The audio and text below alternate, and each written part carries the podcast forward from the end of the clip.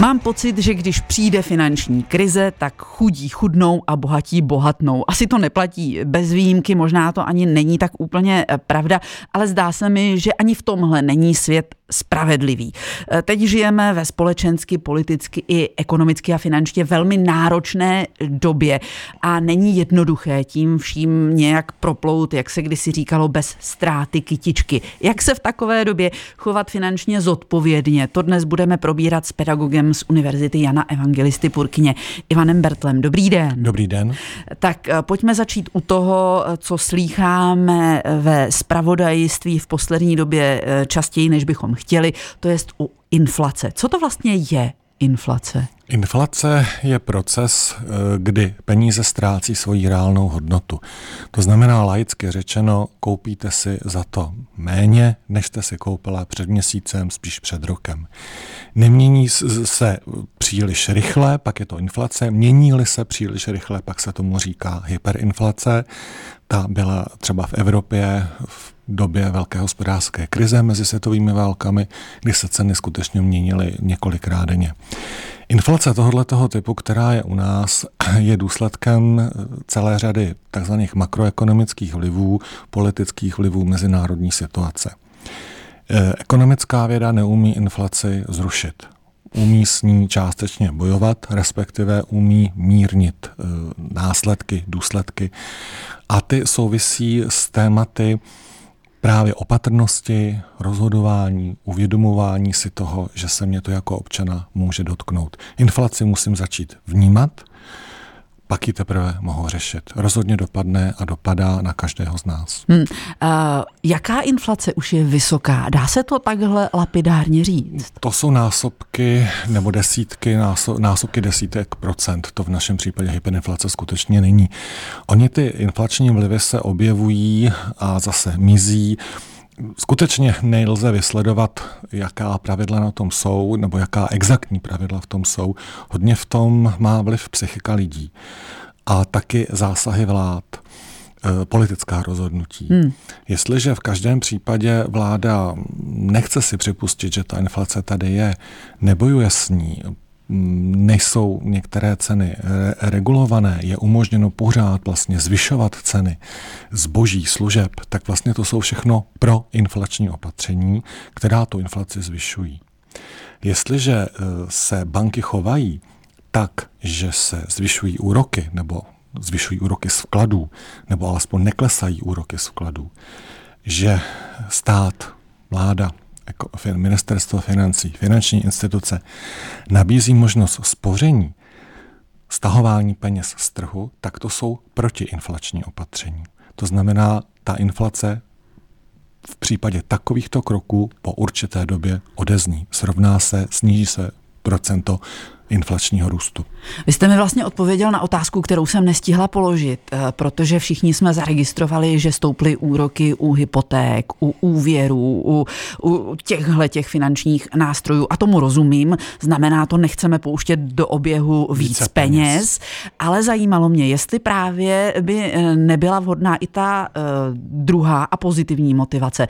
To je razantně zvýšit úroky na těch spořících instrumentech a říkat uh, lidem, dejte nám víc svých peněz, eh, stejně nemá smysl je utrácet, máte všechno, co potřebujete a když si je dáte k nám, eh, tak oni tu hodnotu nestratí a počkají, až je budete opravdu potřebovat. Tohle je správná myšlenka. Vypadá to, že jsme se za to setkání už zájemně poučili o tom, co tady máme a nemáme dělat, ale na druhou stranu, aby banka zvýšila úroky, znamená to, že musí uvažovat dlouhodobě také o těch druhých produktech a to jsou úvěry. To znamená, to je ta výdajová stránka, kdy ty peníze půjčuje. Je to velice pro tu banku složité a je to krok, který prostě potřebuje delší odstup, větší úvahu, ale já myslím, že se k tomu, k těm spořícím produktům a k podobným záležitostem dostaneme za chvilku. Určitě. Ivan Bertl je hostem dopoledního expresu Českého rozhlasu Sever. Posloucháte dopolední Express Českého rozhlasu Sever. Dnes si povídáme o ničem méně důležitém, než jsou peníze. Naším dnešním hostem je eh, profesor, učitel eh, z Vysoké školy Jana Evangelisty Purkyně z Ústecké univerzity Ivan Bertl. A společně probíráme to, jak vlastně nepřijít o peníze, když je neutrácíme, jenom máme, ale oni na ně působí ty vlivy, které my neovlivníme, což je eh, třeba inflace. Eh, každý, eh, kdo se snaží nějak zodpovědně hospodařit a má možnost, tak byl vychováván v tom, že je dobré šetřit a odkládat si na horší časy. Platí to i v době, kdy ta inflace stoupá, kdy peníze ztrácejí hodnotu? Platí to a platí to právě o to více. Jen je potřeba velice uvážlivě přemýšlet a rozhodovat se o tom, kam ty peníze umístím. Vždycky se ten, kdo ukládá peníze, pohybuje v takovém, říká se tomu magický trouhelník. Musíme uvážit, aby ta investice byla bezpečně uložená, aby byla výnosná a aby peníze nestrácely svoji likviditu. Teď se k tomu vrátím. Aby ta peníze, ty peníze byly bezpečně uloženy, znamená to, že dávám do instituce nebo do nástroje, k tomu se asi dostaneme později, který eh, je věrohodný kde ty peníze nezmizí, instituce se nezruší, eh, když je budu chtít vyplatit, tak mě vyplatí a vyplatím je s tím eh, hodnocením, které mi ta instituce slíbila. To, co říkáte, já si překládám tak, že půjdu za nějakým renomovaným ano. finančním ústavem, za nějakou institucí, známým, která už tu je historií. spoustu let, nebude to něco, co se v novinových inzerátech objevilo Přesně minulý tak. týden a slibuje hory doly. Výborně.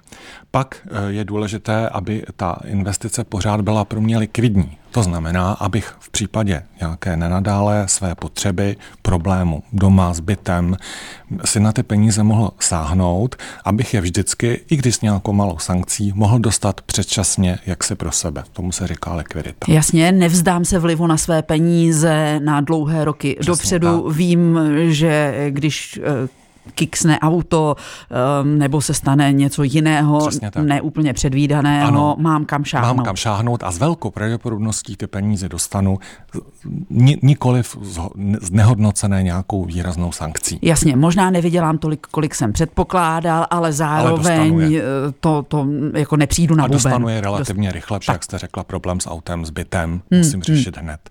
A třetí eh, vrchol toho magického trojuhelníka je výnos. To znamená, jaký úrok mi nabízí ta finanční instituce, kam ty peníze dávám. A tenhle ten výnos by měl vždycky, to vyjádřeno v procentovém počtu, by měl vždycky ten výnos převýšit inflaci. A to je právě to, kdy ta investice je takzvaně výhodná. Inflace trošku ty peníze užírá, protože ztrácí svoji reálnou hodnotu a úroky z mého zhodnocení by měly být vyšší, než je právě tato inflační míra. Říká Ivan Bertl, dnešní host dopoledního expresu. Já mám pocit, že když je něco bezpečné, tak to zároveň není výnosné. Jak moc se pletu, k tomu se dostaneme po písničce. Posloucháte Český rozhlas Sever. V dopoledním expresu je dnes hostem Ivan Bertl a společně si povídáme o finančních produktech, které by nám měly pomoci uh, uchovat naše uh, peníze navzdory inflaci a všem jiným ošklivým ekonomickým vlivům, které které kde si venku zuří. Už jsme si řekli, že je důležité zvažovat bezpečnost, dosažitelnost peněz, které investujeme a také ten výnos. A já jako totální finanční like mám pocit, že je-li něco bezpečné, tak to zároveň nemůže být výnosné, protože výnosné bývá to, co je riskantní. Tak kde je ta pravda? Pravda je uprostřed, jak už to tak bývá, je to většinou kompromis, proto se tomu říká magický trojuhelník, protože nikdy nedosáhnu úplně ideálního stavu a vždycky osciluji nebo pohybuji se mezi těmi jednotlivými třemi vrcholy toho mého snažení. Ehm, napadá mě v téhle souvislosti ještě jedna záležitost. Ehm, chci šetřit, ale taky bych si měl uvědomit asi kolik je mi let protože mě jako takové relativně bezpečné produkty napadají dvě záležitosti, které jsou navíc do určité míry garantovány státem. Mm-hmm. Týká se to tedy produktů na zhodnocení financí, na spoření, na šetření. V první řadě je to penzijní připojištění a v druhém případě je to stavební spoření. Uh, ano, ovšem mluvíme-li třeba o penzijním připojištění, tak tam, pokud jde o ten třetí vrchol, to je, to je o tu likviditu, uh, tak tam je to jako velmi eh, sporné, protože já ty peníze prostě nemám na dosah. Pokud chci ty výnosy, které jsou s nimi spojeny, tak je tam budu mít od teď až do důchodu. Můžu si, je, můžu si je vybrat dřív, tam jde vždycky o ty, jaké po, o konkrétní podmínky, které ten penzijní fond má. Vždycky si je mohu vybrat dřív, ale nedostanu třeba ten státní příspěvek, který je tam dotován. Hmm. Čili to je ta míra, co jsem říkal, únosná. To znamená, dostanu peníze, které jsem si tam dal. Ta srážka je maximálně 1,5% za ten předčasný výběr, co dokážu oželit. Pořád ty peníze mám, hmm. ale to zhodnocení je daleko vyšší. A navíc, ta penzijní připojištění uh, má další efekty. Eh, nutí mě to myslet na svoje, nechci říkat stáří, ale dejme tomu vyšší věkovou kategorii, že co bychom si nalhávali, ten státní penzijní systém právě tou covidovou krizí i tou inflační krizí, nebo jak se tomu říká, prostě nebude mít dostatek peněz pro to, aby všechny důchodce uspokojil v té rovině eh, svého životního standardu, na který byli zvyklí. To znamená, jestliže v tomto případě ty peníze nemohou vybrat hned, zabezpečuju svoje stáří a ta likvidita jakoby se posouvá do toho mého vyššího věku a je to v můj prospěch v tomto okamžiku. Hmm. Říkal jste, že je důležité uh, brát v rozhodování při tom, kam ty peníze, ty vlastní peníze nasměruju, brát v potaz to, kolik mi je. Když jsme tedy u toho důchodového připojištění, kdy je tak ideální uh, si ho založit? Okolo čtyřicítky. Hmm. Myslím si, že to není, není, není málo eh, nebo nízký věk, protože jestliže tedy se tam hovoří o mm, okamžiku, kdy já si to můžu začít vybírat, je 15 let, Hmm. To znamená, to tak zhruba odpovídá navíc tomu, dejme tomu krizovému věku, kdy můžu začít peníze skutečně potřebovat. Navíc některé ty penzijní fondy řeší i předčasnou invaliditu. To znamená, že ten, kdo se tam spořil v případě skutečného tedy invalidního důchodu, má nárok si ty peníze vybírat, jestliže spořil, tuším, myslím, že dva roky nebo pět let, což se všechno dá, to jsou lhuty, které nejsou nějak dlouhé. Mm-hmm. A zároveň je to věk, kdy už mám vyřešené takové ty věci, které řeší člověk ve 20, to je zařizování domácnosti, nejdřív Přesně vlastně tak. pořízení té domácnosti, pak její zařizování, a proto výchova ten druhý dětí. Produkt, to mé druhé doporučení bylo stavební spoření. No a k tomu se dostaneme zase po písničce. Posloucháte Český rozhlas Sever. Po Lucce Bílé se vracíme k povídání s Ivanem Bertlem o finančních eh, produktech, eh, které nám pomohou zhodnotit naše peníze a pomohou nám domoci se nějaké větší částky, eh, která bude mít smysl protože tisícovka, dvě měsíčně to utratíte rychleji, než se otočíte, ale když si podobné sumy budeme někam odkládat, eh, tak mohou časem vygenerovat eh, částku, která už stojí za řeč. Zmiňovali jsme důchodové spoření, Řekli jsme, že je to eh, pro ty hm, v úvozovkách starší a pokročilé, ale prostě pro lidi eh, ve středním věku, eh, kteří už mají ty existenční nejpalčivější starosti vlastně vyřešené. A že právě pro ně by mělo přicházet v úvahu, tedy pro ty mladší, kteří to řeší stavební spoření. Kdysi kolem toho byl obrovský boom a kdo hmm. neměl stavebko, vlastně jakoby nežil. Ehm, zdá se mi, že teď teď už to zas až tak oblíbené není. Myslím si, že oblíbené je to pořád. Eh, tam je potřeba ještě zmínit jeden efekt, které to stavební spoření má. Mimochodem, vymyšleno bylo v 18. století, první stavební spoření v, České, v Československu v roku 1927. No to nevadí. To je hezky, to, to, to, já myslím, že to dokládá co si o kvalitě toho, to, tohohle proto, instrumentu. Proto to zmiňuji, že to není věc, eh, dejme tomu, produktu tržní ekonomiky Jasně. posledních let. Eh, tady má ještě jednu výhodu, že stavební spoření pro své děti mohou založit rodiče, hmm, hmm. prarodiče a při cenách bytů dneska, i když samozřejmě ten hypotéční trh se trošku teďka zastavil, ale Bůh ví, jak to bude, eh, je potřeba si uvědomit, že to bydlení každý, eh, každý z nás eh, chce řešit, pokud tady nemá šanci zdědit dům po svých rodičích, ale i ten dům zděděný, krásný, potřebuje čas od času rekonstrukci. Hmm. A stavební spoření není jenom na koupi bytu či nemovitosti, ale i na rekonstrukci bytu či nemovitosti. A zase je to produkt, kdy stát dotuje ty úložky, které tam jsou svým příspěvkem, je garantován úrok z úvěru, které si z toho stavebního spoření mohou vzít, protože právě je kryt těmi prostředky, které tam mám uloženy. A navíc, když si tedy ten úvěr čerpám, tak úroky, které tady platím, si potom zohledním v daňovém přiznání. To znamená, je to další částka, která vlastně snižuje moji finanční zátěž. Je to takhle vymyšleno právě proto, že tam je jediná podmínka, jediné omezení, že když ty peníze užiju formou úvěru z toho, co jsem si naspořil, musí to být vázáno na nemovitost, na její nákup, rekonstrukci a tyhle ty záležitosti. Není možno si z, vlastně vzít úvěr ze stavebního spoření na automobil. To možné není. Ale je to pochopitelné, stát chce, aby si každý řešil své bydlení sám. E, za mě to bylo detailní vysvětlení toho, proč se ten produkt jmenuje stavební, ale on se jmenuje i spoření. Ano. Má smysl e, si stavební spoření zakládat i ve chvíli, e, kdy tuším, že třeba nebudu potřebovat tu stavební část, vyplatí se to i jenom jako spořící produkt? Vyplatí. Vyplatí právě proto, že se musím porovnat, kolik těch úroků dostanu z toho spoření a když naspořím tu částku, tak si mohu vybrat na cokoliv chci za hmm. těch podmínek, tedy těch zvýšených úrokových sazeb. Jedině, co je tedy vázáno na tu nemovitost, na ten dům nebo byt, je úvěr ze stavebního spoření, nikoliv ta úložka. Jasně.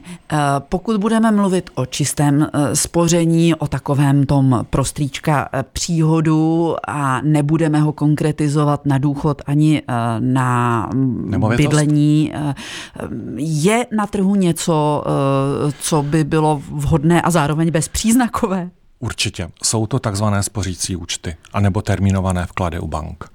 To jsou běžné, ne běžné účty, ale spořící účty, kam tady já ty peníze skutečně si odkládám. A není to vázáno vůbec na nic, dávám si tam kolik chci, jak dlouho chci. Většinou je to pouze omezeno tak, že čím větší úložka, tím samozřejmě je tam vyšší úroková sazba. V minulých letech tyhle ty termínované a spořící účty byly takové nevýhodné, ale teď právě s tou inflací banky začínají nabízet úrokové sazby z těchto produktů už zajímavé. Zase ale musíme mít takovou, takovou, takovou upozornění nebo takové varování, abych ty peníze na ten spořící či termínovaný účet svěřil bance, která je renomovaná, hmm. která je známá, která je spolehlivá, která je tady, jak jsme o tom mluvili několik let, vím o ní všechno a hlavně dostupná, to znamená nejenom telefon, nejenom internet, ale také pobočka. Náš čas se pomalu, ale jistě chýlí eh, ke konci a já bych uzavřela to naše povídání informací naprosto konkrétní. Je úrok, který se dá označit za slušný na spořícím účtu, eh, který říká, ano, postaráme se o vaše peníze, budou v dobrých rukách a přitom se budou budou zhodnocovat? Jak vysoko by čím se výš, takový slušný úrok měl... Čím výš, tím líp. Tady se prostě, dneska se nabízí tyhle produkty 5%, 6%, to už je zajímavé. Mm-hmm. Loni to byla daleko menší část. Ovšem, kdyby někdo přišel s účtem, který nabídne 15 procent, tak tam já bych... V žádném případě bych vám neřekl, uložte tam ty peníze. To je to, co jsem zmiňoval. Ehm, to je zase ta bezpečnost. Jo? To je to, ta spolehlivost. Většinou tyhle, tyhle ty instituce snaží se ty peníze získat a zmizet. Říká Ivan Bertl, který byl dnes hostem dopoledního expresu. Děkujeme za návštěvu a hlavně za ty dobré rady. Krásný den.